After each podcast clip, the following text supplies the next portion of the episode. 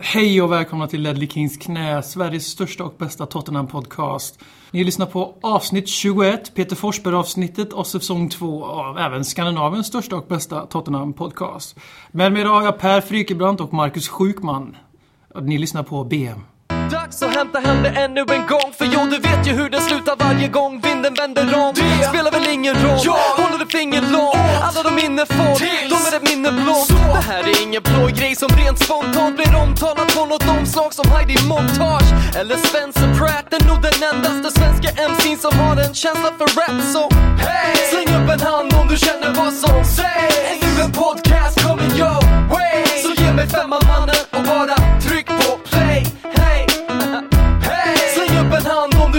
som sägs Är en podcast coming your way Så ge mig femman mannen och bara tryck på play Hey!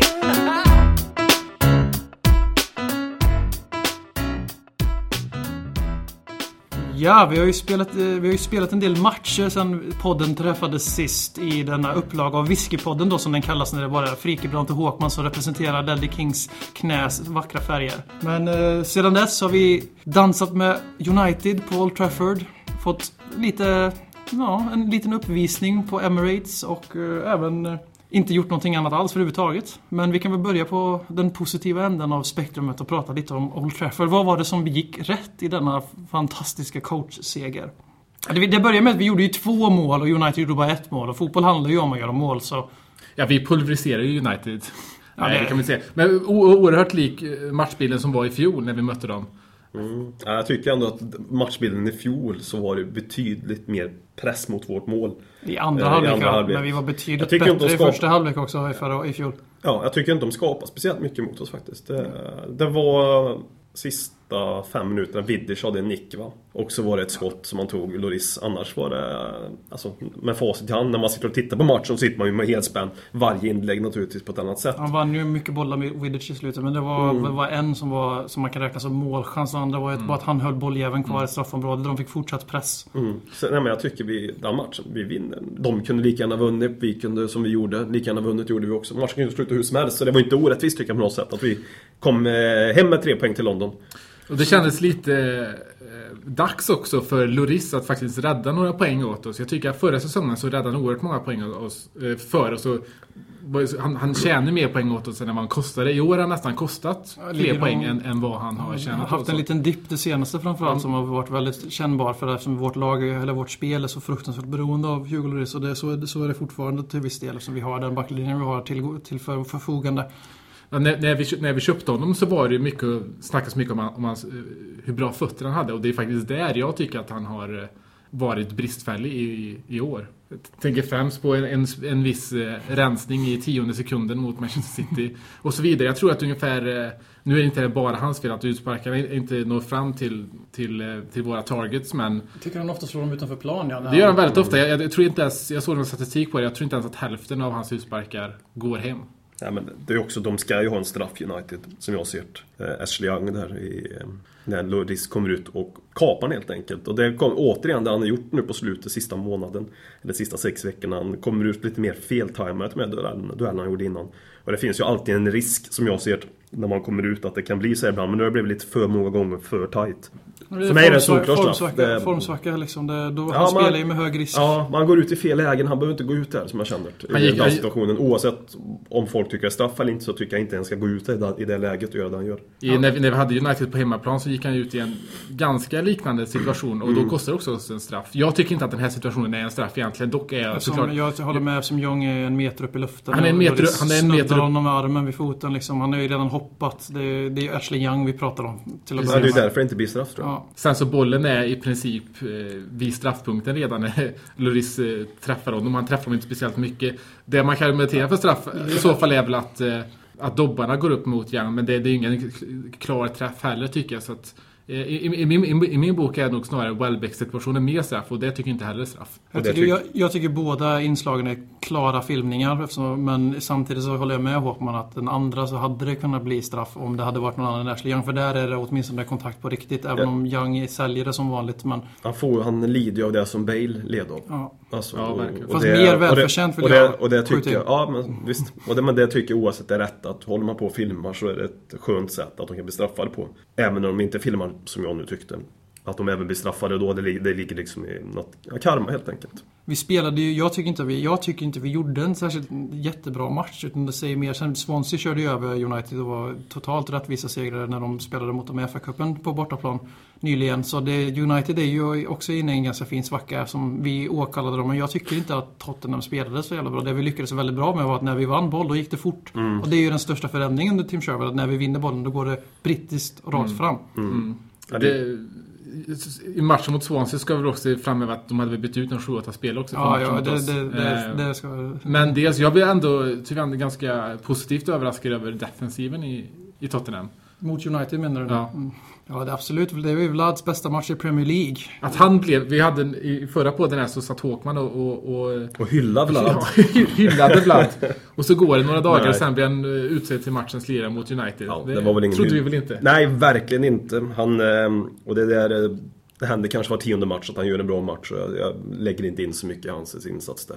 Han får nog bevisa lite oftare för mig när jag ska tro på killen. Jag håller med, som Håkman brukar twittra mycket om, att Michael Dawson och eh, Vlad Kirikesh, eller Kirikes, eller vad man säger, han, eh, de borde inte spela mittbackspar ihop. För de tänker fotboll på samma sätt. Även om Vlad är mycket mer elegant med bollen, så är han inte särskilt mer elegant i hjärnan. Utan de, det är båda två sista minuten tacklare och de är inte särskilt duktiga på att kommunicera heller. Vi har sett det på gånger nu när Vlad stannar kvar, eller eh, Vlad går upp och Dawson stannar kvar i offside upphäver offsiden då, så jag tycker inte det. Jag vet inte. Jan Vertongen får gärna komma tillbaka snabbare än den 19 januari som är det preliminära datumet i Physio Room för att eh, det, här, det här mittbacksparet det håller inte. Och framförallt inte med de där två ytterbackarna vi har som är ofta 20 meter fel i positioneringen när bollen tappas. De är framförallt Kyle Walker är en riktig syndare med att tjuvstarta offensiven för han har gjort färdigt defensiva arbetet. Och det jag vet inte hur många gånger jag ser att han och Danny Rose till viss del kommer tillbaka stormande och kommer tillbaka, 20 meter ligger de fel. Så vi har två ytterbackar som ligger 20 meter högre upp i banan våra mittbackar som i sig har 10 meter mellanrum mellan sig i höjd på plan. Och eh, det är liksom ingen slump att vi släpper in mycket mål när det väl börjar rinna iväg mot de bättre lagen. Ett bättre lag än United hade straffat oss gång på gång på gång mot, eh, mot eh, på Paul Trafford om- eftersom de spelar mer rak fotboll. Arsenal gjorde inte det sen i FA-cupen för de spelar inte rak fotboll utan de spelar någon utvecklad possession-fotboll som faktiskt är fröjdfull att se på. Men de, de hade, Theo Walcott hade ju ganska lekstuga med våran backlinje om man säger så. Det har han ju jämt till Walcott, tyvärr. Alltså, oavsett. Oavsett vart han spelar på plan. För han alltid är bäst mot oss, är min uppfattning i alla fall. Våra ytterbackar är ju som du säger, de, de, de tjuvar lite i defensiven och för att sen arbeta för att hinna ikapp det där. Jag tycker inte ens att Danny Rose, för att vara en av våra snabbare spelare, så gör han inte ens det. För att vara den snabba spelaren så är han inte speciellt atletisk. Han tjuvar och han tar inte ens ikapp det, som Kyle Walker faktiskt gör när han, när han väl gör det. Eh, Danny Rose, jag vet inte riktigt vad vi ska... Ska vi, ska vi gå in på honom nu? Det känns nästan eh, oundvikligt att inte prata om Danny Rose den här veckan. Det är väl lika bra. Jag kan säga direkt att han håller ju inte som startman alls. Och eh, Benny måste ha gjort någonting fruktansvärt mot hela klubben med tanke på att varken Sherwood, Livy eller AVB ville ha honom, ha honom i truppen. Så alltså, han måste ju verkligen ha varit en störande person i omklädningsrummet. En väldigt destruktiv människa måste han ha varit för stämningen och harmonin i klubben. För att när inte ens Sherwood som har gjort en poäng av att vara anti-AVB och göra precis tvärtom som AVB hela tiden, inte tar tillbaks Benny. Då, då tyder det ju på att det måste ju vara någonting riktigt underliggande.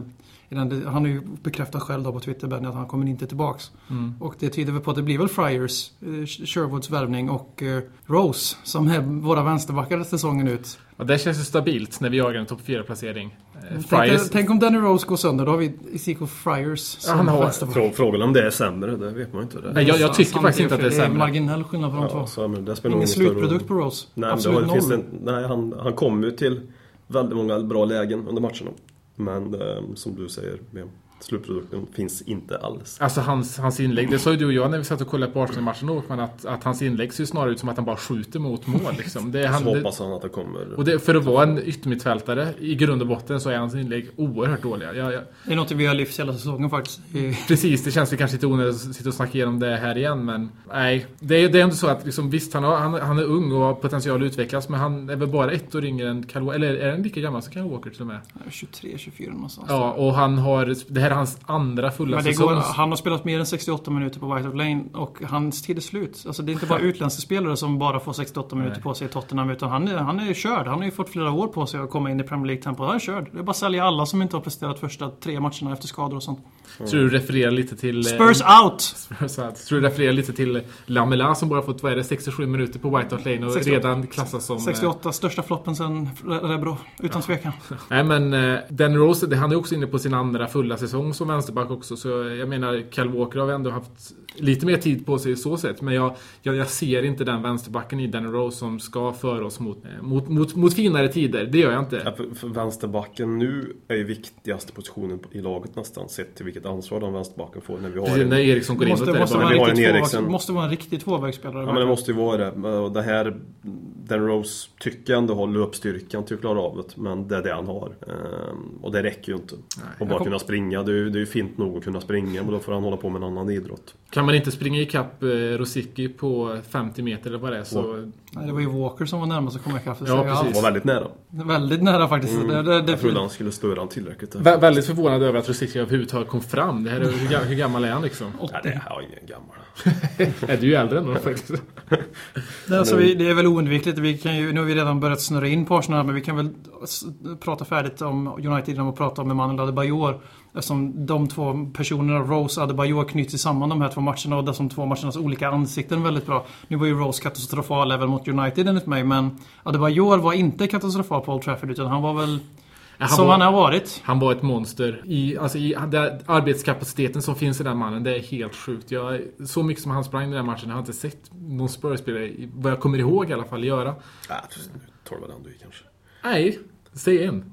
Det är Säg inte det- Lennon Det, nu det, det är ju svårt att bara hosta upp ett namn. Precis, säg inte- säg inte Lennon. det är klart Scott att, han- Parker, det, är jag. klart, det är klart att han gjorde en jävla insats. Det är inte det jag sitter och säger att du har fel i den aspekten. Men det är ju inte så att hans, hans löpmeter var unik på något sätt. Alltså, alltså unik i vår historia på... Alltså, det är klart Nej, att han nej, sprang... Nej men inte vår historia, men jag kommer inte ihåg att jag sett det i de senaste säsongerna i alla fall. Nej, Kyle Walker gör nog ganska många löpmeter längs den där jävla högkanten faktiskt. Jo men vad får man ut av de löpmeterna? Noll. Men det skulle vara roligt att se om hur mycket löpmeter, det borde man ha kollat upp i alla fall tycker jag. Det, Det jag finns alltid gjort. statistik på det. För jag kommer Det är klart det gör, men det borde, alltså sett hur mycket vi löper nu sammanlagt jämfört med hur mycket vi löp, löpte innan sammanlagt. Vi löper ju mindre nu eftersom vi har mindre boll. Man har boll så lö- vi löper mer nu eftersom vi har mindre boll givetvis. För man löper... Mm. Ja, jo, ja, men det är det, jo. Sen så löper vi mer i och med att vårt omställningsspel är Det är mer den aspekten jag tänker på. Det, det, Adebayor var ju man of the match mot eh, United, tycker jag. Eh, men det Inte märks... Chiriches alltså. Nej, nej, han gjorde det bra faktiskt. Men sen tycker jag också det är så drar nytta av den här tempoökningen i spelet. Det, det finns två spelare till jag tog upp här som gjorde riktigt bra från sig. Det var fler som gjorde det ytterligare, förutom de två. Men en av dem var Lennon som passar mycket, passar väldigt väl in i det här spe- spelet. Han var dock 4-4-2-spel med extremt bra. Det var många som sa att han gjorde sin bästa säsong någonsin under AVB i fjol. Det är många som glömmer bort den Ja, säsongen. jag säger inte att han var dålig. För att säger att han var bra nu betyder inte att han var dålig. Men jag tyckte ändå att han passade in bra i det här. Jag, jag jämför med den här säsongen. Sen en annan som jag tyckte gjorde en jätteinsats. En insats som jag inte trodde han var kapabel till. Jag trodde han bara kunde, kunde ha en produkt. Det är Soldado. Som jag bara såg, och det är väl min okunskap om Soldado innan kanske. Jag såg honom bara som en målskytt. Men nu såg han, eh, fick jag se andra sidan Soldado. Han var smart i sitt sätt att spela. Mötte bollen, hittade passningsytor. Eh, Ett av de ytorna var ju till Lennon där som Lennon borde upp mål. Det här fantastiska passet. Ja men där han visar ett, eh, visar ett större register Soldado som jag blev glad av att se. Sen brände han ju, som har faktiskt börjat göra nu. Han har ju fått så pass många lägen så nog har- bör han ju kunna ha gjort några mål kan jag tycka. Men han visar upp ändå en dignitet till i spelet. Ja, han är en level till. helt han har annan 10 typ. poäng på 24 ligamål. Så han, den här bilden av honom som målskytt har man ju fått, fått revidera som sagt. Han har visat väldigt mycket annat. Löpstyrka, intelligens. Mm. För det syns väldigt tydligt under Sherwood när han har det är ju ganska uppenbart att Adebayor har en väldigt fri roll. Han får göra precis vad han vill. Han är i den här upplagan av Gareth Bale då, i det här laget. Ja men det är han. Och eh, Soldado verkar må bra av det trots att han ofta spelat ensam striker i Spanien om jag vill minnas rätt. Så de spelar ju ofta 4-2-3-1 och den typen av fotboll där. Jo men jag tror också det här med 4-4-2 eller 4-2-3 det är inte bara man är ensam. Alltså, det beror på lite vad man, han fick väldigt dåligt understöd. Ja, ja, Sista precis, tiden precis, där. precis, Så jag tror det är väldigt mycket mer det än själva formationen i sig. Ja, men jag tycker du har helt rätt i det att, eh, för man trodde verkligen inte att han hade det här i sig. Man trodde inte att han var en spelare. Lite som du sa innan vi började spela in här. Uppgraderad Jermaine Ja, precis, exakt så. Man tror att det här kommer en, här kommer en spelare som har en produkt och det, och det är allt. Men han har istället visat sig vara kanske vår bästa passningsspelare. Och eh, oerhört mm. delaktig i, i all uppbyggnad. Jag menar, målen mot United så fick han hockeyassist på bägge. Och, och som sagt, han har 10 poäng enligt WhoScored. Så har han 5 plus 5 på 24 ligamål. Det är en ganska stor procentsats. Och det, det, är ändå en av de mest bespottade spelarna i årets upplaga av Tottenham. Så mm. det säger en del om eh, kortsiktighet och målblindhet. Men... Det känns som han också varit inom som folk har haft mest förståelse för. Faktiskt, ja, och av nyförvärven. Ja, för att folk, har, folk, folk som har sett matcherna har väl ändå sett att det har varit jobbigt för där uppe och sprungit själv. Så. Det har absolut varit jobbigt för men sen så har han också fått de här minuterna. Som Lamela faktiskt inte har fått. Jag menar, nu, nu sitter jag inte här och säger att, att Lamela ska få alla Soldados minuter. Men det, men, men, det, det, det speglar en del. Storhet är all, bemöts alltid med ytterlighet. Det finns, ingen, det finns inget mellanläge för killar som visar den här potentialen. Bale var också totalt, totalt bespottad av alla eller stor majoritet av Tottenham-supportrar ända tills det, det tog flera år för honom att utvecklas. Och då mm. kom han ändå från den engelska fotbollen och var ordinarie i Premier League, eller Championship kanske han kommer från. Kommer oh, Soldado kom ju ändå med, jag menar, han, ganska mycket större storhet än vad Lamela. Alltså Soldado, vad, vad ska han producera omedelbart? Tänker Soldado är en sån där here and now-spelare. Han ska komma och prestera direkt. Ja. Potens vi har betalat ett fruktansvärt överpris på Lamelas potential. Det fattar vi allihopa. Mm. Att det är överprispotential. Men Roma är inte dumma i huvudet. De fattar att vi skulle få in 100 andra kallar för Bale. Då tänker, de inte, tänker inte de ta emot vilken jävla strösumma som helst för en av sina bästa och mest lovande spelare. Och sen, inte för att gå in på den diskussionen redan i förtid, men det som jag var inne på, storhet bemöts bara med ytterligheter. Och han kommer inte få någon, det kommer inte finnas något mellanläge för honom förrän han får verkligen bevisa sig ordentligt. Och han har inte fått det. det är allting, han har gjort åtta uppträdanden i Premier League, varav fem har varit som inhoppare. 68 Premier League-minuter på White Hart Lane och folk skriver av honom. Det, mm. det, är bara okunskap enligt mig. Det, liksom, det, det, går inte att förvänta sig för mycket för snabbt. Och det var ju det vi kanske borde ha tänkt på i somras när vi värvade sju nya spelare. Det var de flesta var tänkta för startelvan. Jag, jag håller med. Och så det, tyvärr verkar det som att Sherwood eh, fortsätter på den inslagna, EVB, eller inslagna vägen som EVB la fram med Lamelas matchande. Att, att, att, han inte, kap, han inte kapitaliserar på Lamelas match mot eh, Sheriff till exempel. Det han är det fruktansvärt outstanding. Mm. Det är bara... Det är, jag, jag börjar på riktigt bli orolig nu. Och jag tror att han, han ska vara tillbaka från sin skada nu. Så eh, jag tror ändå att startar han, eller får han inte starta mot Crystal Palace så det är en oerhört fingervisning om vad Lamela kommer eh, minnas om i Tottenham. Han kommer inte starta mot Crystal Palace. Nej, tyvärr tror jag inte Han kanske heller. får hoppa in mot Crystal Palace, men starta kommer han inte få göra. Säger jag precis, men jag visste hur det kommer vara, men det är ju det jag tror ja, så det, kommer det vara. Det finns en viss brittisk favorism-tendens i nu, nuvarande ledning, så jag tror det blir Lennon Townsend, för Townsend är ju också tillbaka mm. från skada.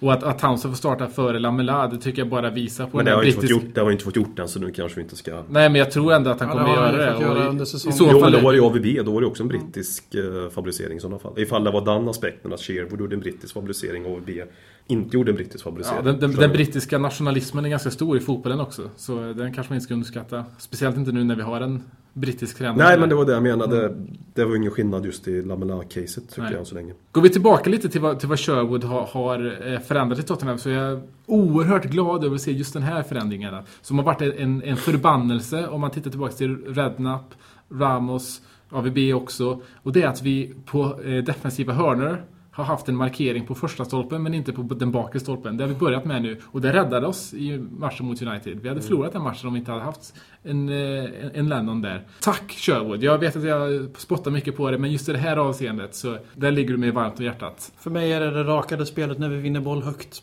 Annars så tycker jag inte att jag, tycker inte jag ser så jävla mycket av den här hypen som alla andra ser. Förutom att vi har en Adebayor som gör det Bale gjorde i fjol. Det är liksom, och det är betydligt svagare att bygga ett lag runt en sån spelare som Adebayor.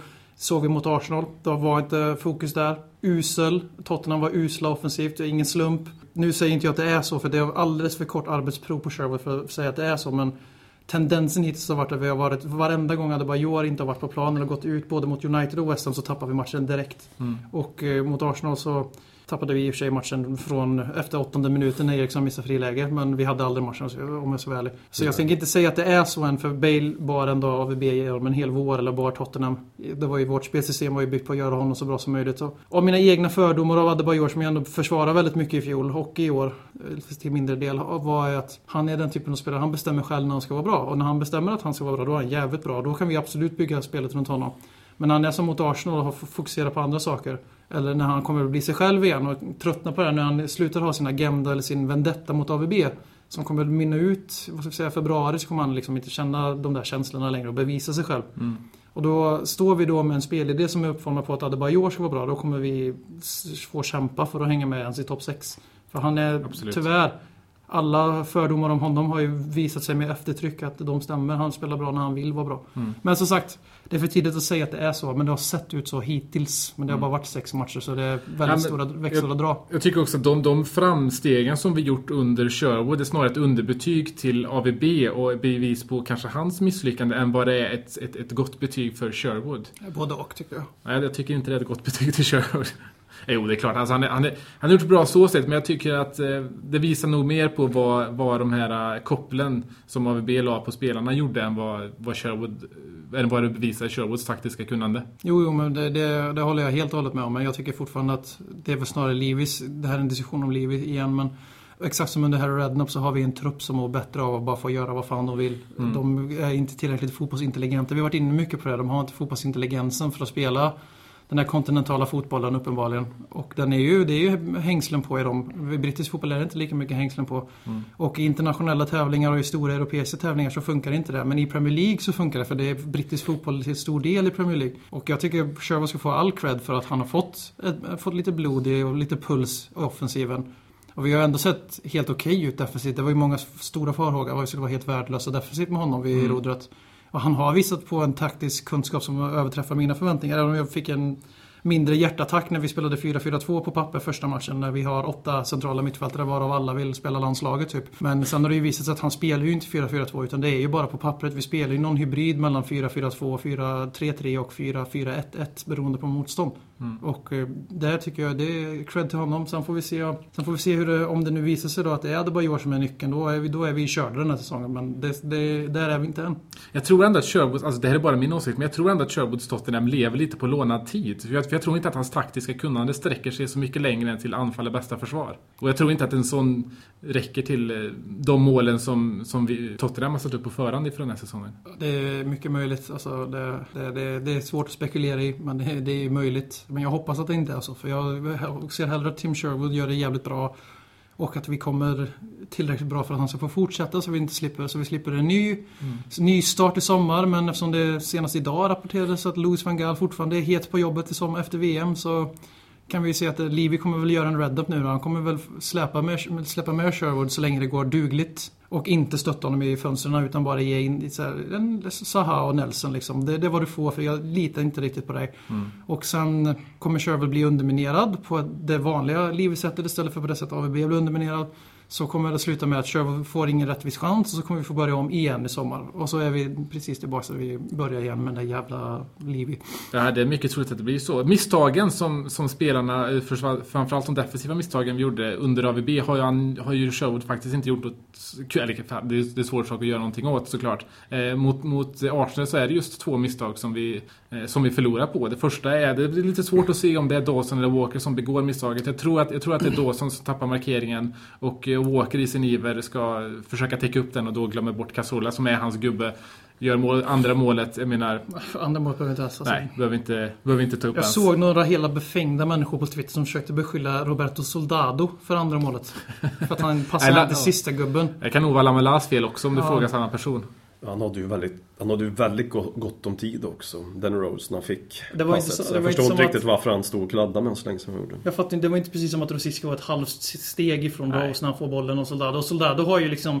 För det såg jag faktiskt lite mot Arsenal. att När vi, för jag trodde vi var väldigt naiva i vår taktik där. Det var, det, det var liksom... Vi ska vara en man mindre på mittfältet. Vilket Sherwood sa efteråt att det var inte därför de dominerar mittfältet. Men... eh, Kan nog göra också att man bytt ut en viss Capo mot Bentaleb. Jag menar, jag tror mycket på Bentaleb men sätt in honom i en sån alltså. match. Det är jag bara, det ser inte storheten. Men storhet, alltså jag snackar inte här om att han ska bli en nya Vieira, men att han kan bli en Premier League-spelare, ja, kanske. Ja, vi har redan en Premier League-spelare. Vi har, vi har många Premier League-spelare i laget. Men jag- sen så vill jag inte... Det var väldigt mycket surr runt Bentaleb under matchen. Det var många som antingen försvarade allt han gjorde eller så, så för, sa att han var helt usel. Jag tyckte han var varken eller. Han drog på sig mycket klantiga frisparkar som en junior gör. Liksom. Det hör till. Spelar lugnt, tryggt, ser väldigt mogen ut med bollen vid fötterna. Men det hängde väl inte riktigt med. Framförallt så slår han aldrig någonsin ens försök till en hotande passning. Utan det är alltid sidled. Alltså det Ja, här, men det- det men det är här är ju den riktiga sidleds-Danne ja, ja, i. Tottenham. Och det förstår jag för han är vad han, 18-19 bast. Spelar sin första match från start och möter Arsenal som är en väldigt bra i år. Vi faktiskt var enligt mig första taktiska blunden från Sherwood var den här matchen. De Det andra matcherna ja. tycker jag han har inte gjort något fel alls om jag ska vara helt... Ja, mot West Alltså Bromwich byten och sådana väl- grejer kan jag väl säga att det har blivit så. Men det byten är ju alltid en vild chansning sådär. Men det är den här grejen som vi får stå ut med om vi ska ha en så färsk tränare som kör. Och det är att de första misstagen han kommer göra i sin tränarkarriär kommer han göra i Tottenham. Men det visste Livi när han anställde honom. Att den här killen har aldrig tränat ett seniorlag. Så det hoppas jag att han förstår. Sen, sen tror jag inte att man behöver en Uefa-licens för att förstå att det kanske är lite tufft att skola in en, en, en, en Junis mot, eller borta mot Arsenal. Ett Arsenal som, precis som du säger, är kanske Englands bästa lag just nu. Tyvärr. Men eh, ja, vi har ju lovat en av våra lyssnare att eh, Håkman skulle ge sin, reaktion, sin spontana reaktion på när Danny Rose gjorde sin piruett på mitt plan och gjorde så vi åkte ut ur FA-cupen och Ja. tappade vår enda titelchans i år. Jag kommer knappt ihåg, alltså, men redan då det började insjukna. Men det var väl rätt sura för mig i alla fall. Ja, det var några okvädesord. Ja. Men det var, det var mer ett, eh, en besvikelse. Det var inte som att du ställde dig upp och slog, utan det var... Hade inte ork. b- Bara sjönk ner, helt enkelt. Det var en, en suck och en... eh, Och Jag, jag visste det. Jag, jag hoppades för din skull. Vände dig till Twitter och gick in i det själv. Jag gjorde det kanske. Det var tungt att se. Ja, det var tungt. Ja. Det var tungt att se. Ja. Tungt att se Rose också göra någonting som jag inte trodde han skulle göra. Att han var så stabila killen. Favoriten, är- favoriten ytterbacksbeteende är ju någon av våra lyssnare också som har tingat den. Och den, den vi har ju verkligen ett ytterbacksbeteende på, på våra två ytterbackar. Ja, men visst, visst De är ju lika. Alltså, det är ju så, alltså, de är ju, I grunden är de exakt samma typer av ytterbackar. Fast Kyle Walker är 80% bättre. Ja, ja absolut. Och det säger ju en hel del om vart den är. Ja, tyvärr. Eh, Men eh, ja, ja, vi får köpa. Det, är ju, het- det heter ju backar. Det är det som jag har problem med med de här backarna. Där vill jag lägga till. eh, Tim Sherwoods rollfördelning till skillnad från ABB. Mycket bättre. Mycket, mycket tydligare nu. Spelare, spelarna vet vad de ska göra med nu. Medan ABB hade varit med, ni skulle kunna ge lite av alltihop. Lite mer total fotbolltänk. Medan under Sherwood tycker jag jag mig se lite mer tydligare. Framförallt när Bentaleb spelar så skulle han vara Vad fan, bollförande. vad fan säger han till Danny Rose i så fall? För han verkar inte Ja men våra ytterbackar, det är. Tottenham ytterbackar. Det, det har varit så. Så länge jag kan minnas. Så. Just om vi ska gå in lite grann taktiken jätte, jättesnabbt så tror jag är bra att ha de här två ytter, mitt, eller två innermittfältarna. Ska vara två stycken box to box. Vi ska inte dela upp det för mycket. Och när vi ska dela upp det, då ska vi inte dela upp det där Bentley är den som är defensiva. Capo kanske kan klara det bättre helt själv. Men det är ju som ni sa förut, att det är väldigt tufft att ge en 19-åring som startar första gången det ansvar att nu tar du hand om defensiva innermittfältet här. Eh, I, I stort sett, du får ju naturligtvis hjälp men det är din huvuduppgift mot tre stycken jätte i form. Ett Snabbfotade. Arsenal som, är, som mår jättebra och spelar fotboll som att de ja, har spelat ihop i hundra år. De spelar fotbollen som AVB drömde om att man skulle få det- Tottenham att spela. Det, Men det, det, så, så är det. Jag är inte alls sur, som jag också tyckte var fel att ställa upp med Bentley i den matchen. Eh, Det är inte rättvist mot honom helt enkelt. Nej. Nej, absolut Så, inte. Det är ehm, dumdristig handling av Sherwood skulle jag säga snarare. Ja precis, så inte Bentley, det är som Nej, alltid. nej, nej, Han gjorde nog så gott han kunde för inte, Ja, han, var inte, väldigt... han var inte dålig heller. Alltså, han Nej, var inte nej, sämre än någon annan. Men det, det, han, och han, den matchen hade han säkert kunnat klara ännu bättre mot till exempel eh, Stoke. Om Ja. han hade startat den matchen. eh, Som vi pulverisera. Så då hade det nog gått bättre. Men eh, sen, sen också Arsenal, det jag tyckte var, var så liksom, tydligt i den matchen, det var att eh, jag tror nog att en del var lite trötta. Det är inte hela förklaringen till varför det gick som det gick. Adbor tror jag var lite trött, att det inte bara var en eh, inställningsgrej som jag ser det. Utan det, det märktes mycket bollmottagningar överlag på många fötter, att de inte riktigt satt där. Att bollen stack iväg för dem. Att det blev mycket matcher för ganska många, och speciellt kanske för Adebayor, visst när han hållit igång och de sköter, sig, sköter om sig själva. Men att spela fyra matcher så tight när du inte har spelat någonting, det blir ett annat Ja, absolut. Slitage det är på absolut kroppen. en del av förklaringen. så, för jag trodde ju ändå att Arsenal borta, det vill säga, jag sa det innan till Per, att den här matchen kommer att vara jätte, jättebra. Just för att det är Arsenal borta. Men det var han ju inte.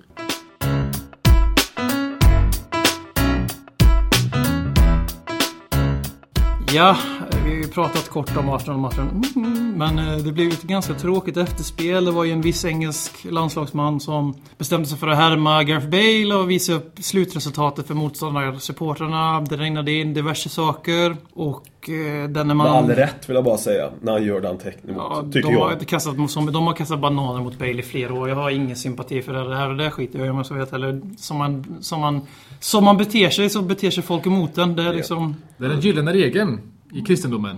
Det som hände var i alla fall att Walcott blev skadad i sex månader. Efter en kollision eller en. Det var någonting hände med Danny Rose. Ja, jag såg inte riktigt- eller det var ju knät där som eh, han... Han blev borta i sex månader. Mm. En del Tottenham-supportrar, absolut inte alla, men en del Tottenham-supportrar jublade och den här bilden då började användas som ett sätt. Hur många veckor blir Theo Walcott borta? Och vi har själva skyldighet till en sådan bild, men vi har, ju, har efter det diskuterat ihop oss i gruppen eftersom det inte alls representerar hela gruppens Nej. Och vi tänker inte gå in på vem som tycker vad. Robin. Men eh, alla fall så har vi kommit överens om att det fortfarande kommer inte bli något sånt. Och om det blir så så kommer det signeras med den personen vars åsikt som representeras. Och det här är ju någonting som blir ett problem när man är fyra stycken på ett Twitterkonto. Men vi ska inte prata om vårt egna konto. Vi, vi tycker inte... Vissa av oss tycker inte det var okej, andra tycker det var okej. Skitsamma. Vi ska prata om att Tottenham-supportrar sitter och jublar över att Theo Walcott blir skadad sex månader. Andra Tottenham-supportrar attackerar Tottenham-supportrar som inte tycker att det är någonting att fira att en människa blir skadad. Och Arsenal-supportrar eh, gör idiotgrejer och eh, skickar hur många judar, hur många Tottenham-judar överlevde Auschwitz. Och så har de klippt bort en del av Walcott-bilden och det är nollan håller upp där istället. Och liknande jättesaklig kritik för att visa att de är så mycket mognare än oss Tottenham-supportrar. Vilka jävla dumhuvuden de som gjort det. Alltså, de kan ju bara lägga sig framför ett tåg. Varenda jävla idiot som lägger sig Ja, och det är likadant. Det gäller exakt samma sak med Lazio-fansen som gör liknande grejer. Exakt samma med Chelsea-fans som gör liknande grejer. Exakt samma med West Ham-fansen. Alla varenda jävla människa som håller på med så, som förringar förintelsen. Den absolut största skamfläcken i människa, människans historia. Lägger framför ett tåg. Tyvärr så när man är Tottenham-supporter så har man nästan slutat att reagera på sådana här grejer. För det har Precis, blivit så det vanligt. var dit jag ville komma. För att jag blir bara, jaha, igen. Det är mina reaktioner nu när sådana här grejer, när vi blir attackerade på det här sättet. Och sen jag personligen, min åsikt när det gäller, jag tycker inte att man, jag bryr mig inte tillräckligt mycket om Arsenal. För att jag ska sitta och håna när deras spelare och bli glad. Alltså det, det gynnar Tottenham att deras nyckelspelare är borta. Så, långt, så långt kommer mitt intresse i deras pajasklubb. Sen att eh, har jag väldigt svårt för fans som ska agera pol- poliser för andra fans. Men eh, när det gäller såna här grejer där folk inte vill önska en människa skada. Då ifrågasätter jag alltså hur intellektet funkar på någon som försöker berätta för en annan människa att du måste tycka att det är bra att en Arsenal-spelare blir fysiskt skadad. Alltså, det finns liksom visst, man, det, det är hela supporterskapet går ut på att berätta hur man ska vara supporter. Hela den här podden är uppbyggd på det också. Det är liksom en podcast av supportrar för supportrar. Men just sådana här grejer när man tvingar någon att tycka någon sån där grej, då tycker jag det går över alla gränser av förnuft. Absolut, men sen, det, går, det går åt andra hållet också. De som Ja, absolut, absolut, tycker att man absolut. inte kan, kan eh, ja, kanske njuta av en, en, en Walcott-skada. Eh, Jag, eh, precis som, som du sa där, att jag... Visst, det, en skada på Walcott, det gynnar Tottenham. Ja. Och så, så långt sträcker Sportsligt, sig- det gör det. Det är bara Så långt sträcker sig mitt intresse. Jag skulle inte sätta mig ut och, och, och börja håna honom på något sätt. Samtidigt så tycker jag inte att man behöver kanske gråta floder över det. Just, Nej, av den inte. anledningen. Eh, det finns ju någon slags tävling på Twitter över vem som kan eh, röra upp minst känslor i princip. Mm. Eh, och det, det här är en sån här... Eh, vi har varit inne på hur den här liksom, supporterstämningen är i... Nu, nu har ju vi anmärkt på det här i Tottenham-kretsar. Det finns säkert liknande i alla lag. Men det, på något sätt, det kommer tillbaka gång efter annan och, och visar på att... Jag vet inte, kanske är på något sätt att supporters, supporterskara inte mår riktigt, riktigt bra. Alltså nu menar jag inte individerna har dåliga psyken utan jag menar mer att supporterskapet i sig. Jag håller med. Och, eh, jag har eh, verkligen, alltså jag ledsnat totalt på Tottenham supporterskada eftersom det är den jag, eftersom det är den jag utsätts för, utsätter mig själv frivilligt för dagligen. Man är ju all, ofta är man ju självförvållad martyr då, när man agerar martyr. Men den här säsongen och till, alltså ända sen, ja, egentligen ända sen sociala medier, ända slutet på Harrys tid i Tottenham. Så hade vi en riktigt giftig period och vi har liksom aldrig riktigt återhämtat oss efter den perioden. Och nu är vi fortfarande, vi är där igen nu. Tim Sherwood har suttit sex matcher på posten och vi har redan folk som tycker att han är, alltså det är många som tyckte från början att han är en klåpare. Han, han har inte kvalifikationerna för att träna Tottenham. Och, och så finns det folk som tycker att han är Guds nästa gåva till Tottenham. Harry Redknapps klon och så vidare. Och Men det är liksom, vi är alltid fast i en ond spiral av fiende, fientliga läger inom samma supporterskap. Som, alltså det är verkligen fientligt också. Det finns absolut ingen mellan, inget mellanläge. Vi har, vi, har, folk som jämför varenda match som Sherwood gör med en match som AVB gjorde förra säsongen. För det är ju relevant hur en match förra säsongen... Det påverkar ju verkligen samma match året efter. Det är ju hur relevant som helst. Och liksom allt sånt där, det här är likadant igen nu med Walcott. Nu sitter två läger och säger du får inte tycka så. Det andra läger du får inte tycka så heller. Och det jag vill komma till är att informationssamhället har gjort människan dummare och mindre öppen till att ta till sig information än vad det... Det borde ju logiskt vara tvärtom då, att man bara Åh fan, jag hade fel om det här. Då, då, då borde jag acceptera det, men det har verkligen blivit tvärtom. Och det märks extra tydligt vid sådana här incidenter som Walcott nu då, när man antingen måste tycka att det är skitbra att han blir skadad eller så får man, måste man vara pacifist och tycka att ingen människa får stuka tummen ens utan att det är hemskt. Och det är liksom, det finns som sagt, det finns inga, det är bara ytterligheternas tidsålder i, i, i världen.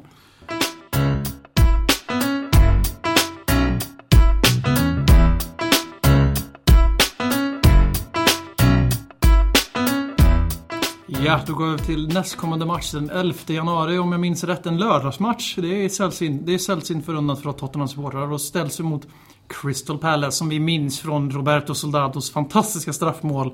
Där som inkasserade tre bergsäkra Tottenham-poäng i premiären, eller hur? Skrattmatch var det väl också för övrigt. Vi dominerade från minut 1 till minut 90. Vi dominerade från minut 45 till minut 90. För då kom, vem kom in då minut 45?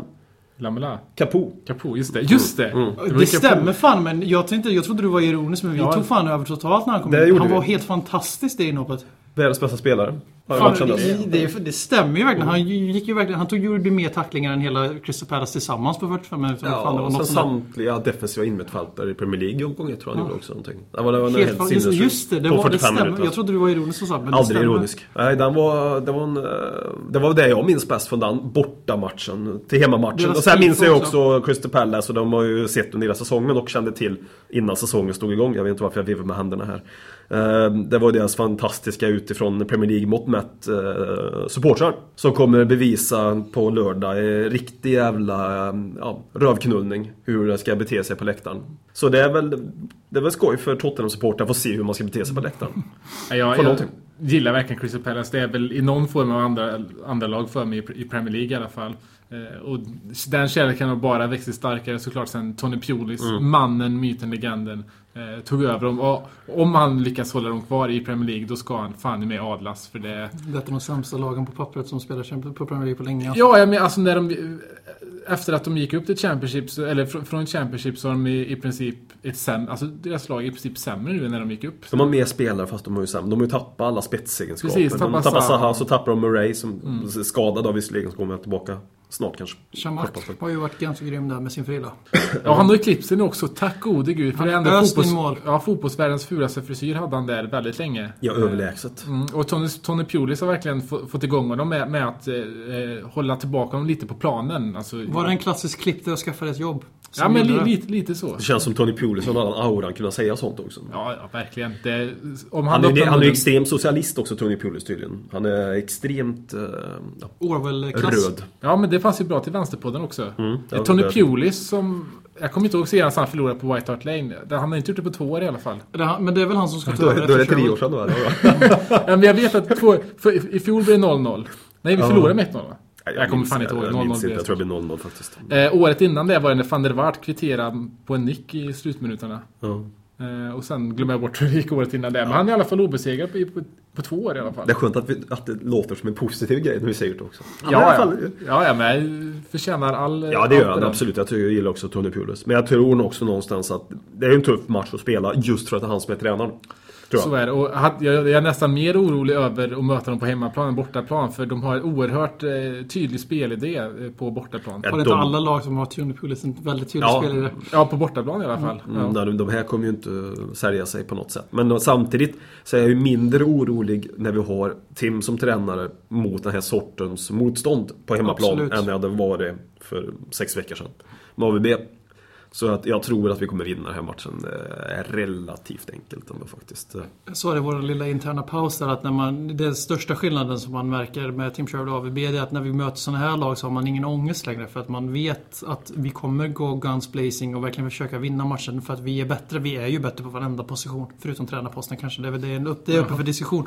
Men med AVB då visste vi att vi skulle ändå spela riskminimering och liksom låta dem spela sin eh, handbollsförsvar eftersom vi, det är så, var så av och trötta ut och till slut vinna på misstag. Det funkar ganska ofta men den här, det kommer inte se ut så på lördag utan det kommer att gå rakt framåt och pang, pang, pang. Det vi, vi snackade efter West Bromwich-matchen att uppställningen där var eh, nästan till dumdristigt offensiv. Jag tror vi kommer få se ännu värre den här gången. Jag tror, det, det här är verkligen en guns blazing match och jag, Vi har ju fortfarande sjukt mycket skador dock. Soldados senaste offret. Men samtidigt så har Louis Holtby, Andrews Townsend och Jermaine Defoe kommit tillbaks. Och Lamela, Lamela, Lamela också, också. tillbaka. Oklart hur länge Soldado bort. Han kan vara tillbaka redan till, mot Crystal Palace. Vad vi, vad vi kommer få se då är vi kommer få se Adebayor. För han är den enda anfallaren som är 100% fit just nu. Och han är ju inte heller 100% fit egentligen. Om det var FM-snack så hade han haft fitness 100, matchfitness 50. Men de andra två ligger ju på 75-75 på båda staplarna liksom i FM-snack där. Så, så det blir ju Adebayor kommer att lira. Förhoppningsvis, förmodligen menar jag med en annan anfallare. Kanske och, på, och sådär. på nytt födda Dembele kommer att få spela också. Ja, som det, jag ser som det på nytt får vi födda hoppas. En av Dembele. våra viktigaste spelare. Tror du skulle- Fantastiskt bra. Tror du skulle säga på nytt födde Defoe där ett tag? Nej. Dembele har ju spelat lika bra som han gjorde under AVB första halvåret. Ja. Ja, han senast, alltså, eller Faktiskt. senast mot, eh, mot United, eller mot eh, Stoke var han helt fantastisk. Han spelar så bra som han gjorde när han fick få spela med Sandro. Nej men det är som du sa, det första hösten, alltså förra hösten Tills helt Sandro enkelt. gick sönder under AVB. Det var Då då var Dembele han- gick ner sig och sen, Mm. sen fastnade han någonstans. Nu får han ju... Han har varit bra däremellan tycker jag, men nu är han verkligen mm, så bra Just som han kan vara. Sandro är ju för fan tillbaka i träning också. Men han kommer inte få starta. Han kommer inte få spela, nej tror inte jag heller. Jag tror Capo kommer få starta faktiskt. Jag hoppas på Lewis Holtby. Alltid Det- Lewis Holtby. Det är inte omöjligt. Som men- mittback helst. To there is to do. Jag hoppas, om jag ska vara helt, helt seriös i två sekunder så hoppas jag att vi får se antingen Townsend eller Lamela spela på vänsterkanten istället för Eriksson. Och det är inte en peak mot Eriksson men jag tror vi kommer behöva en riktig bredd den här matchen mot köttförsvar. Och då en spelare som, vi, det lärde vi oss ju under Rednap då när han spelade Modric som vänstermittfältare inom kraftiga parentestecken. Vi kommer ju få se någon hybrid igen. Det kommer ju inte vara 4-4-2. Det kommer kanske vara så på papper men det kommer absolut inte se ut så. Men om vi har Townsend på vänster, för jag tycker han är mycket bättre på vänster och jag tycker han är bättre än Lamela på vänster framförallt. Då tycker jag att han ska spela där och då ska vi få riktig bredd och då ska vi spela Lennon. Annars så, om vi ska fortsätta med Eriksen på vänsterkanten och ser jag hellre Lamela på höger så vi har... Om vi ser dem, om vi tänker på läget Soldado gav Lennon mot United och liknande sådana målchanser så är ju Lamela ungefär två miljoner gånger målfarligare än Aaron Lennon.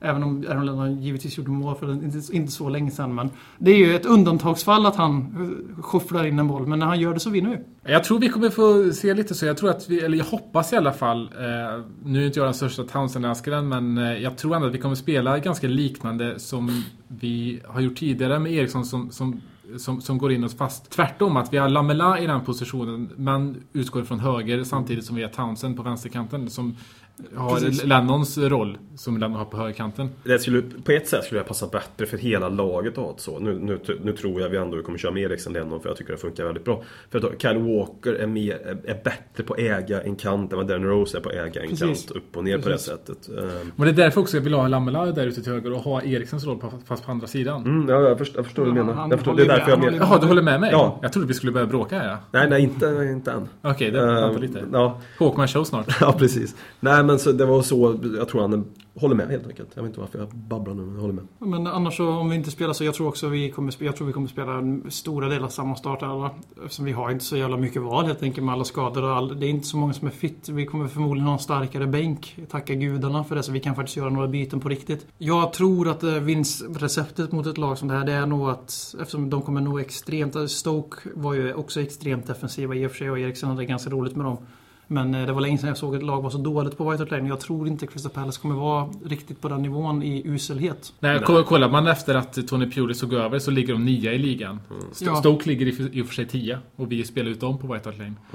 Eh, men... Eh, Vi ska inte låta så förvånade när, vi pratar om att vi spelar ut lag på White Hart Lane. ja, men det, vi, är- vi är förvånade. Det, det hör Som inte sagt, till vanligheten det är vad Tim. Sherwood har gjort väldigt bra på sin korta tid som manager. Vad som helst kan, kan hända känns på något sätt.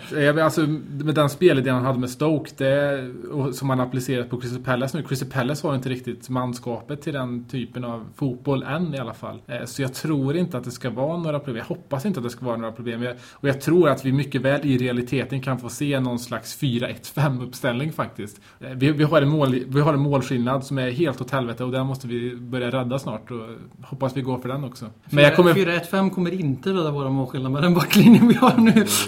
Chiriches man of the match. Det blir, det blir 3-0 till Spurs och Adebayor kommer göra mål. Lamela kommer göra mål. Tack gode gud. Med reservation för att man inte är med i truppen, då är det inte, då är det inte jag som är dålig tippare. Och så 3-0 målet kommer vara självmål. Tony Pulis keps nickar in en hörna i slutet. När han springer därifrån.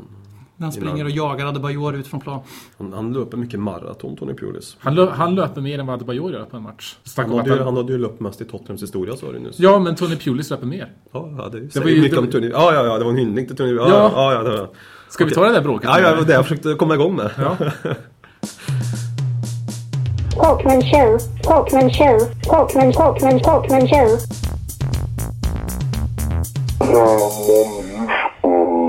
Ja, idag tänkte jag snacka om eh, gräsmattor och det känns som passande tema i den här jävla vintertiden. Eller jävla vinter, den underbara vintertiden som är en hemsk vinter sett hur vädret är nu. Eh, och vi har ju nyss eh, avhandlat den tuffaste spel, speltiden i England. Det har varit fyra matcher på 11 dagar någonting, FA-cupen medräknat. Och någonting som gör mig jävligt förbannad, eller framförallt besviken och, och förbannad, det är att se alla jävla golfgreener som fortfarande eh, finns där ute när vi har spelat fyra matcher på 11 dagar på arenorna.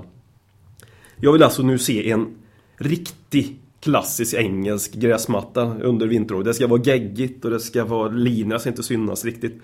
Men det är, det är ju raka motsatsen. Det är precis som att det skulle vara 15 juni där ute. Tillbaka till de gamla härliga gräsmattorna helt enkelt. Bring back the 80s. Tack. Talkman show. Talkman show. Talkman, Talkman, Talkman show.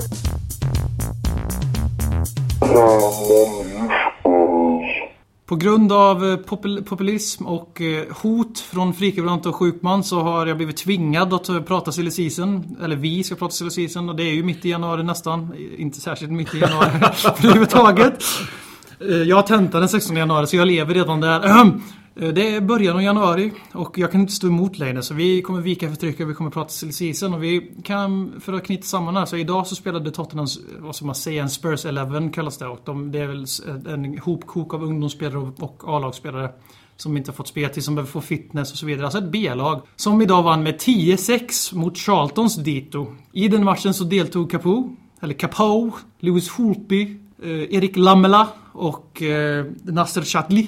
Och eh, Chadli gjorde två baljer, Lamela dunkade in en balja och Holtby dunkade in en balja. Och eh, i alla fall Holtby och Lamela har ju verkligen surrats om med flyktrykten nu i januari. Och dessa rykten har både debunkats och eh, eh fått nytt liv av diverse forum och artiklar.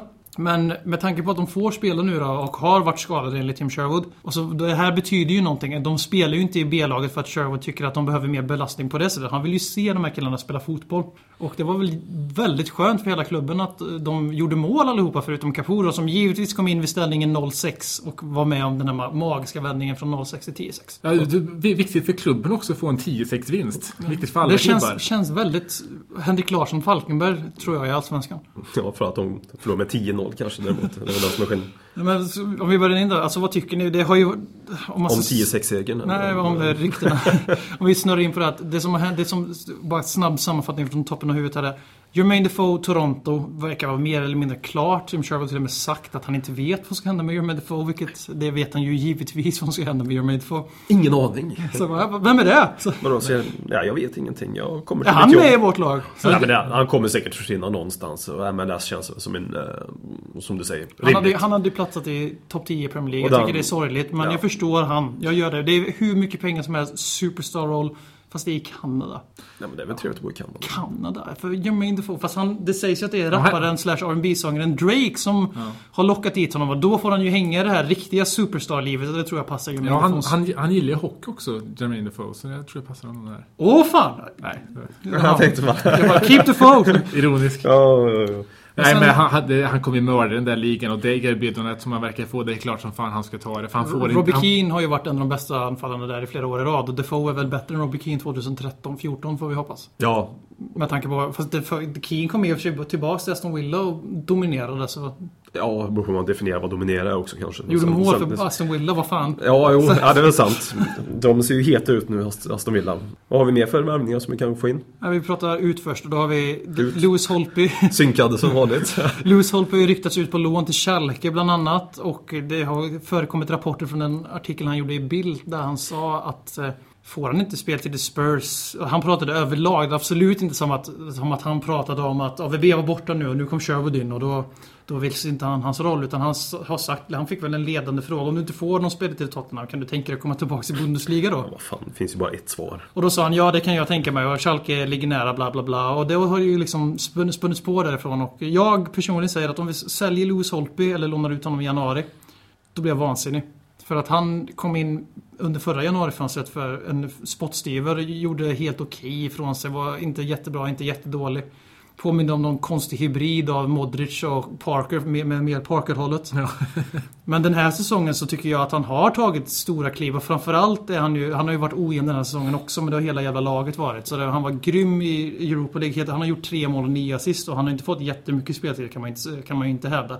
Det jag gillar med Lewis Holtby är att det går alltid framåt. Det känns som att han borde passa in så jävla bra i den här fotbollen.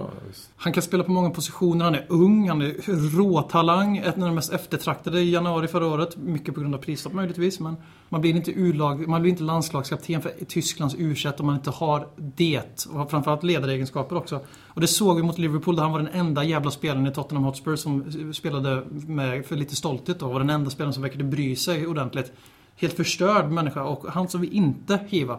Framförallt inte för att ta hem Tom Carroll från lånet. Nej, jag håller med. Alltså, anledningen till att jag gillar Louis Holtby och vill ha kvar honom är just för hans kämpaglöd. Att han är en av få spelare i det här nya... Han är rätt snygg också. Det, det, behöver han. Det, det, kan man ju debattera. Men jag, jag, tycker ändå att han är eh, väldigt mycket den spelartypen vi behöver eftersom att vi i sommar inte värvade in några rivjärn som vi faktiskt var vad vi behövde. Och det är väl också just så som han har presterat i, i, i ungdomslandslagen i, i Tyskland som gör att jag, jag fortfarande är intresserad av honom. Ja, för jag väldigt, tycker inte, bra, väldigt bra i Bundesliga också. Ja, absolut det var han. Men jag, jag, tycker inte att han har visat så mycket av, av det här kapitalet han har i Spurs. Visst, Europa League och så vidare. Men jag menar Ryan Fredericks gick in och dominerade högerkanten i Europa League också. Så eh, jag, jag vet inte, men det är klart att vi ska behålla honom och, jag, och se, känner, vart, se vart händer barkar. Men, eh, men nästan alla värvningar vi har gjort sen AVB kom för 18 månader sedan så har de aldrig fått spela många matcher i rad förutom vissa undantag. Mm. Lewis Holtby, alltså vi köper in spelare som ska vara med i truppen men de ska ändå konkurrera samtidigt men de får aldrig någonsin en sträcka matcher de verkligen får spela fyra, fem matcher i rad och får ta ut svängarna, försöka lite nya grejer och verkligen växa in i laget. Och det är liksom, jag vet att man ska inte få någonting gratis och det här leder oss in på Lamela senare men Lewis Holtby, jag, vet inte, jag kan inte minnas att han har startat tre matcher i ligan i rad till exempel under någon av de här tränarna. Nej, det är väl väldigt orättvist mot Sherwood som har tränat laget sex matcher för övrigt. Men, och han har varit skadad den tiden också, Lewis. Men ja. Min poäng är att det är många av våra värvningar som värvas in som, det är klart, vi värvar in lite truppspelare. Det fattar jag också. Lewis Holtby var väl i det facket. För, självklart, det förstår jag. Men man måste ju någon gång måste man ge nyförvärven en chans att faktiskt spela sig ut i startelvan också. För vi ser ju normala startelvspelare får ju massor med matchkapital i båda herrarna. Och då blir det så att liksom någon gång så måste ju de här killarna som Lamela, även om de kanske inte har förtjänat det hur mycket som helst, så måste de någon gång få försöka. Mm.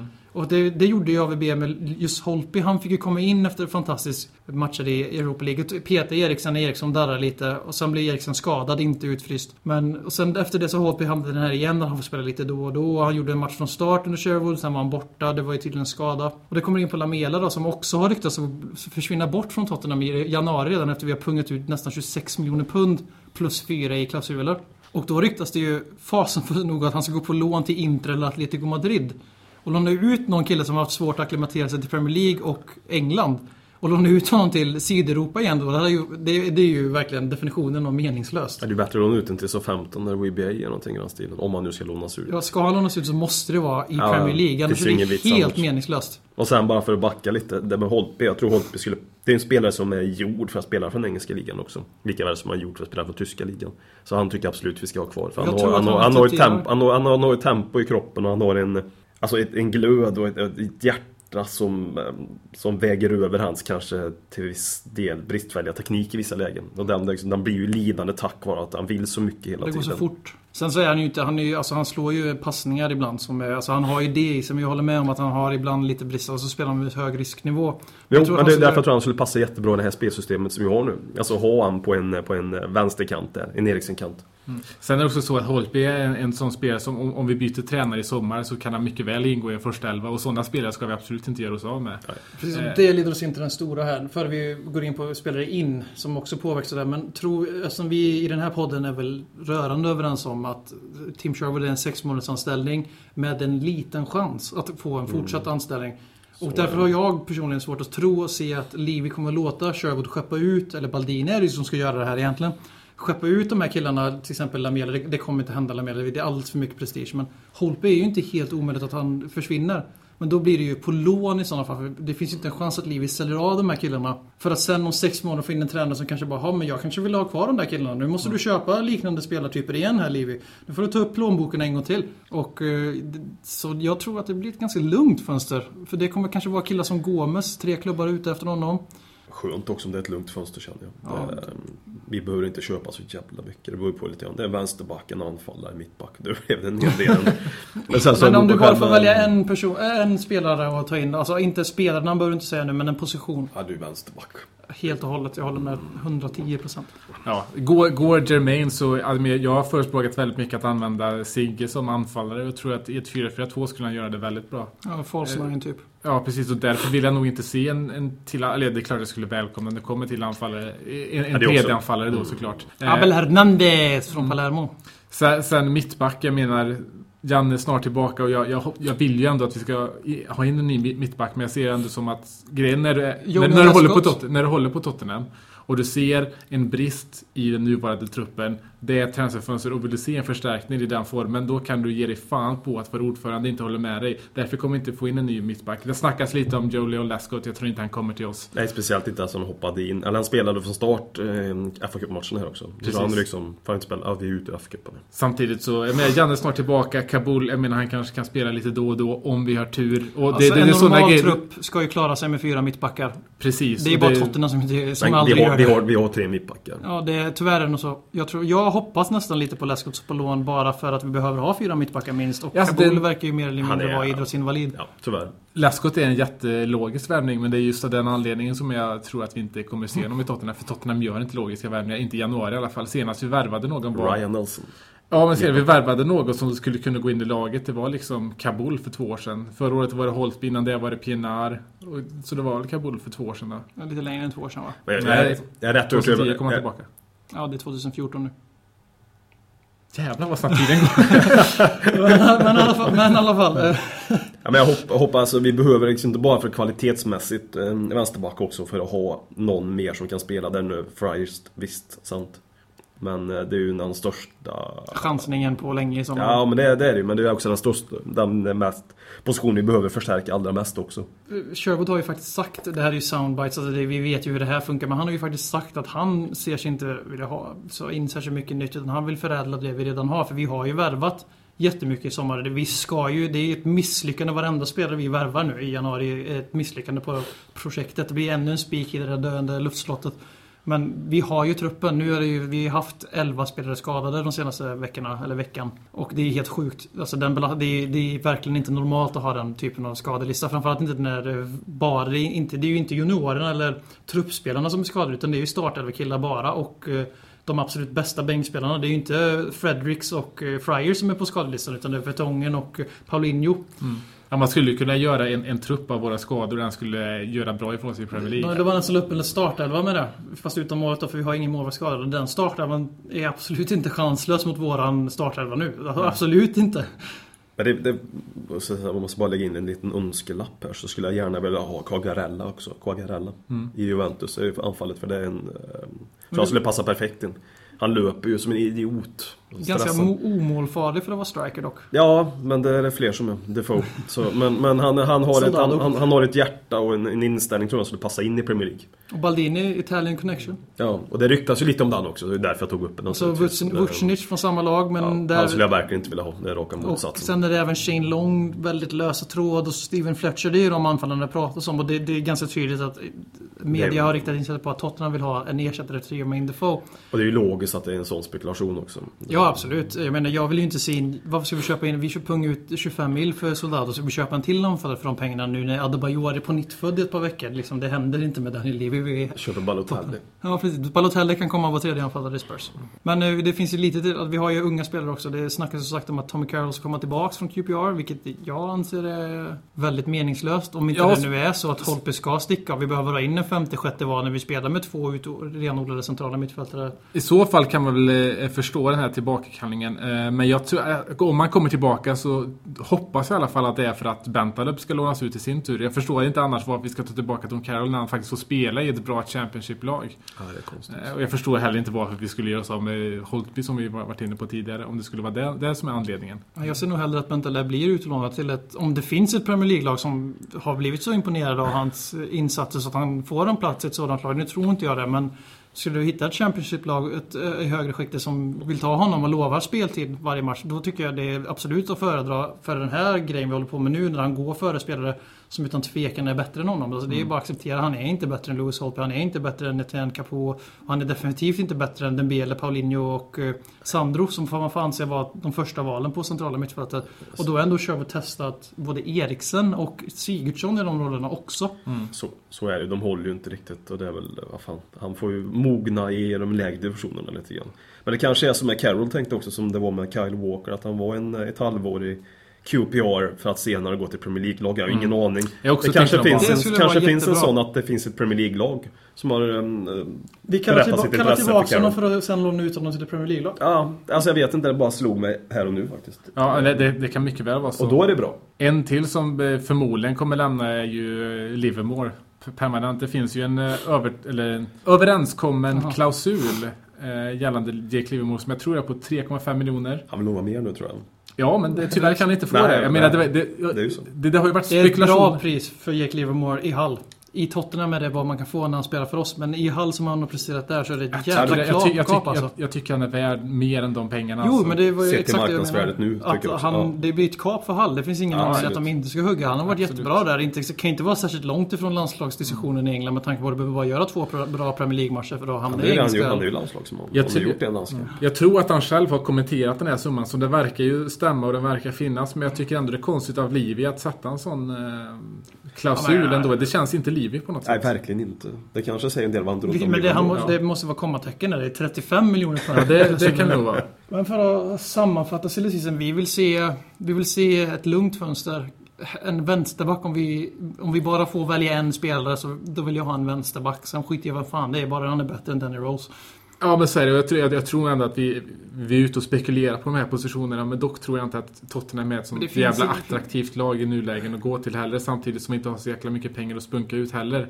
Så det kommer nog bli ett ganska lugnt fönster och det brukar det vara i januari. Det ska dock bli, vi har ju inte haft Baldini i något tidigare januarifönster så det är kanske möjligt att det blir någon ändring på det. Det ska bli kul att se. Skeppar ut lite lönelaster i Defoe och uh, Gomes. Kanske Mm. hämtar hem Tom Carroll om någon oförklarlig anledning då om vi inte säljer någon. Men det är Gomes och Defoe tror jag sticker. Det känns ganska Och det är ganska givet. många pengar. Det är ganska många kronisar i veckan. Många pengar.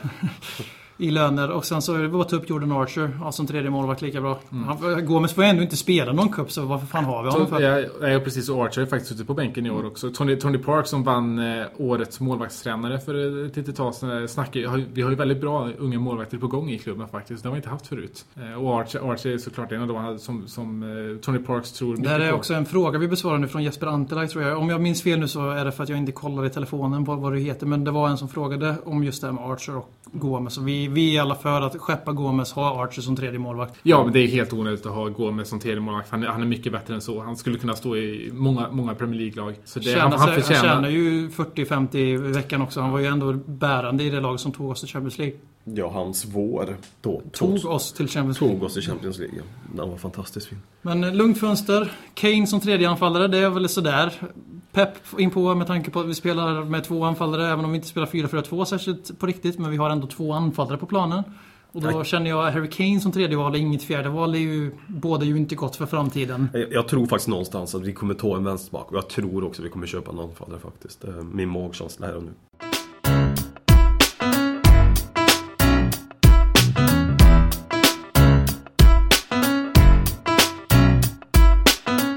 Som ni vet så är det jag Per Frykebrand som är den nya Robin Dronsfield och hand om den här lilla frågestunden som vi alltid avslutar programmen med. Eh, BM, ligger från telefonen så vänder jag mig till dig direkt. Det är alltså Erik And... Nej, det är Erik Paulsson som eh, vi, vi snackade lite om eh, Arsenal tidigare och Arsenal, eventuella eh, dispyter mellan fans. Jag vet inte om en sån här fråga kan eh, hälla lite bensin på den elden så jag, jag ställer den frågan till dig. Skulle ni tillåta era barn umgås med Gooners? Alltså jag är ju väldigt... Jag är öppen för det här att man ska utsätta barnen, alltså exponera dem för allting så de får ta en egen ställningstagande. Och det är klart att de får hänga med Gooners så länge de har blivit tillräckligt indoktrinerade av mig först. Så de, inte kommer, de kommer inte ens vilja hänga med Gooners då. Men grejen är att jag helt uppriktigt, nu det här låter ju helt sjukt men det är klart jag skulle, alltså jag skulle läsa mina barn oavsett. Men om de skulle heja på Arsenal Framförallt om de skulle göra som en trotsgrej mot mig. Det, det skulle jag ha väldigt svårt att... Jag skulle acceptera, vad fan, jag är inte kommunist eh, på riktigt. Jag är bara på kommunist halvtid liksom. Nu, just nu är jag i min liberala fas av programmet. Och jag säger ja, de får umgås med Gooners, men jag skulle innerst inne ha väldigt svårt för Framförallt om de blev en sån här hobby-Gooner för att de hejar på en spelare i Arsenal tillsammans och så kommer de hem och bara pappa jag hejar på Arsenal. Då, alltså jag, det är inte helt omöjligt att jag skulle packa väskorna och flytta till Sibirien då. Men så din, ditt barn i det här fallet då måste kanske redan vara en Spurs-supporter innan han får umgås Ja, med man kan inte, alltså det är elakt att utsätta barn för hjärntvättning för dem. Av felaktig hjärntvättning för de blir tillräckligt gamla och ta välut, välutbildade och pålästa beslut. Mycket vackert, mycket vackert. Eh, det är en till Erik som har ställt en fråga. Erik Andersson, jag ställer den till dig Håkman. Mhm. Vilka spelare tror ni sover med varandra på bortamatcherna? Du behöver inte lista hela truppen, men du kan ju ta några par kanske. Gå igenom 25 sovrum här nu. Ja. Nej men det är väl svårt. eh, vad- Lennon och Kyle Walker känns som de skulle kunna eh, dela dubbelsäng. Det tror jag. Danny Rose vill säkert jättegärna vara med där också men det får inte. Jan Fertongen, ja det är ju Musa. enkelt. Det är Musa Dembele. Det är väl enkelt att ta de här belgiska spåren där. Adebayor sover själv. eh, Med eftersom- Benny på Skype. Ja precis. De ska köra lite foton. Det är så. Soldado, Soldado umgås väl säkert med någon. Loris kanske? Soldado och Hugo Loris. Mycket möjligt. Eh, De skulle passa ihop i alla fall. Nu vet jag att Capo kanske gör det just att de känns lite mer... De eh, avrundar kvällen med varsin bok och släcker lampan klockan 11. Ringer frugan och säger godnatt till barnen. Och... Jag måste också säga, det är ju inte alls den här frågan handlar om men eh, Hugo Loris fru ser ju förbannat bra ut också. Hon kallar oss för Tott hela tiden. Hon får kalla Go oss för fan, för fan, kalla oss för vad hon vill när hon ser ut som hon gör. Riktigt läcker tjej. Jag har inte tittat in än så mycket. Eh, gör det. Följ Hugo Loris fru framför Hugo Loris. Norton, och, Tott. Norton och Lamela också kanske. De är lite BFFs. Har det blivit på senare tid. Norton och Rose. Ja, Intellektuellt passar de Jag känner väl att, jag känner väl att Lamela delar väl rum om man tänker tråkigt. Alltså, de, han delar ju rum med någon som kan spanska. Och, eller någon, men han och Norton eh, gillar varandra. Gör vi det? De är bra kompisar. Ni Ja. har ju Instagram ni så ni... Precis, kollar, precis. ja. Ska jag ta emot... Ni, Jaha, trodde du också hade för att det? jag vill bara lägga, Sandra och Louise Holtby får dela rum med varandra för att de är alldeles, alltså de är så uppskattade av alla andra så det blir avundsjuka om de får dela rum med. Man vill ju inte bo i rummet bredvid. Rummet som aldrig sover. det är det i sådana fall. Då har vi Allsång och så Louis med, sina, med, sitt energi, med sin energi. Det är ungefär som att dela rum med Per och Robin in på en Londonresa. Ja, det bara, bara, bara snabb avstickare på att sjunga. Alltså, det är så roligt den här videon när Capo ska sjunga en låt inför alla där de gör det. Börjar rappa på franska. Jag rappar på franska. Han är ju extremt tung där Capo också. Han går in för det här riktig gangsterrappen. Då står ju alla sitter ju ner på stolarna och lyssnar på mig. Inte Capo. Han står ju vid sidan av och dansar med på den där låt. Han är ju jättesugen att gå fram själv. Sandro menar du va? Vad sa jag? Capo Jag stod och lyssnade på Capo. Ja, jag menar San. Sandro står ju där och hoppar bredvid naturligtvis. Sandro. Du får det på ditt eget bevåg där och förstörde hela storyn för dig själv. Ja, Tyvärr. jag gjorde det. Vana som jag... Det är så du får lämna den här podcasten, för nu är det min tur. Det är Johan Wikström. Vem tror ni är mest lovande av egna juniorer som vi nu har uppe i A-truppen med jämna mellanrum? Velkovic är en sån som inte har sett så mycket av. Jag har sett honom en del förra året när han spelade i U21-laget. Han är en sån mittback som, jag menar, verkligen en Tony Pulis mittback. Vi, vi satt och snackade här lite innan att det är nog inte med omöjligt att Tony Pulis kommer att ryck, rycka den här killen snart, för han är väl en tre meter lång. Skulle väldigt gärna vilja se mer av honom i A-truppen, för han har ju bara varit på bänken några, ett fåtal gånger. Jag tror inte att- ens att han är med i den här Uefa-truppen heller väl, så att han får vara med. Behöver han Han registreras? behöver, inte, han behöver inte registreras. Bra, nej, just, Nej. nej. Då så. Eh, sen är det så att Alex eh, Pritchard har gjort det bra i Swindon och han, han gjorde det väldigt bra för u laget i fjol. Och han är en sån också som, som Sherwood tycker väldigt mycket om. Så jag tror att eh, om det är så att mot, förbod, mot förmodan Sherwood skulle få stanna kvar nästa år så Eh, kommer nog en sån som Pritchard att eh, integreras väldigt mycket i, i, i truppen. Eh, utöver det så vet jag inte om jag tror så mycket på... Jag menar, Carroll och Bentaleb, visst de kanske har några Premier League-år framför sig. Eh, Archer, som vi var inne på förut, vi har några lovande målvakter också. Det är där Archer som, som står ut mest av dem. Eh, men det är typ det, jag, jag tror att vi går en ganska ljus framtid till mötes ändå, men de där eh, absoluta stjärnorna har vi nog inte riktigt i organisationen, om man kollar ner de yngre leden, så att säga.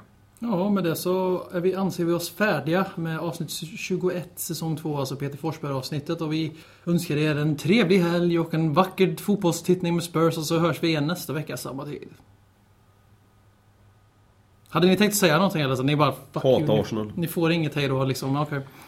Fuck Arsenal. Fuck Arsenal. Dags att hämta hem det ännu en gång. För jo, du vet ju hur det slutar varje gång vinden vänder om. Det spelar väl ingen roll, håller du finger långt? Alla de minne får, de är ett minne blått Det här är ingen plojgrej som rent spontant blir omtalat på något omslag som Heidi Montage Eller Spencer Pratt. Är nog den endaste svenska MC'n som har en känsla för rap Så hey! släng upp en hand om du känner vad som sägs. Är nu en podcast coming your way! Så ge mig femman mannen och bara tryck på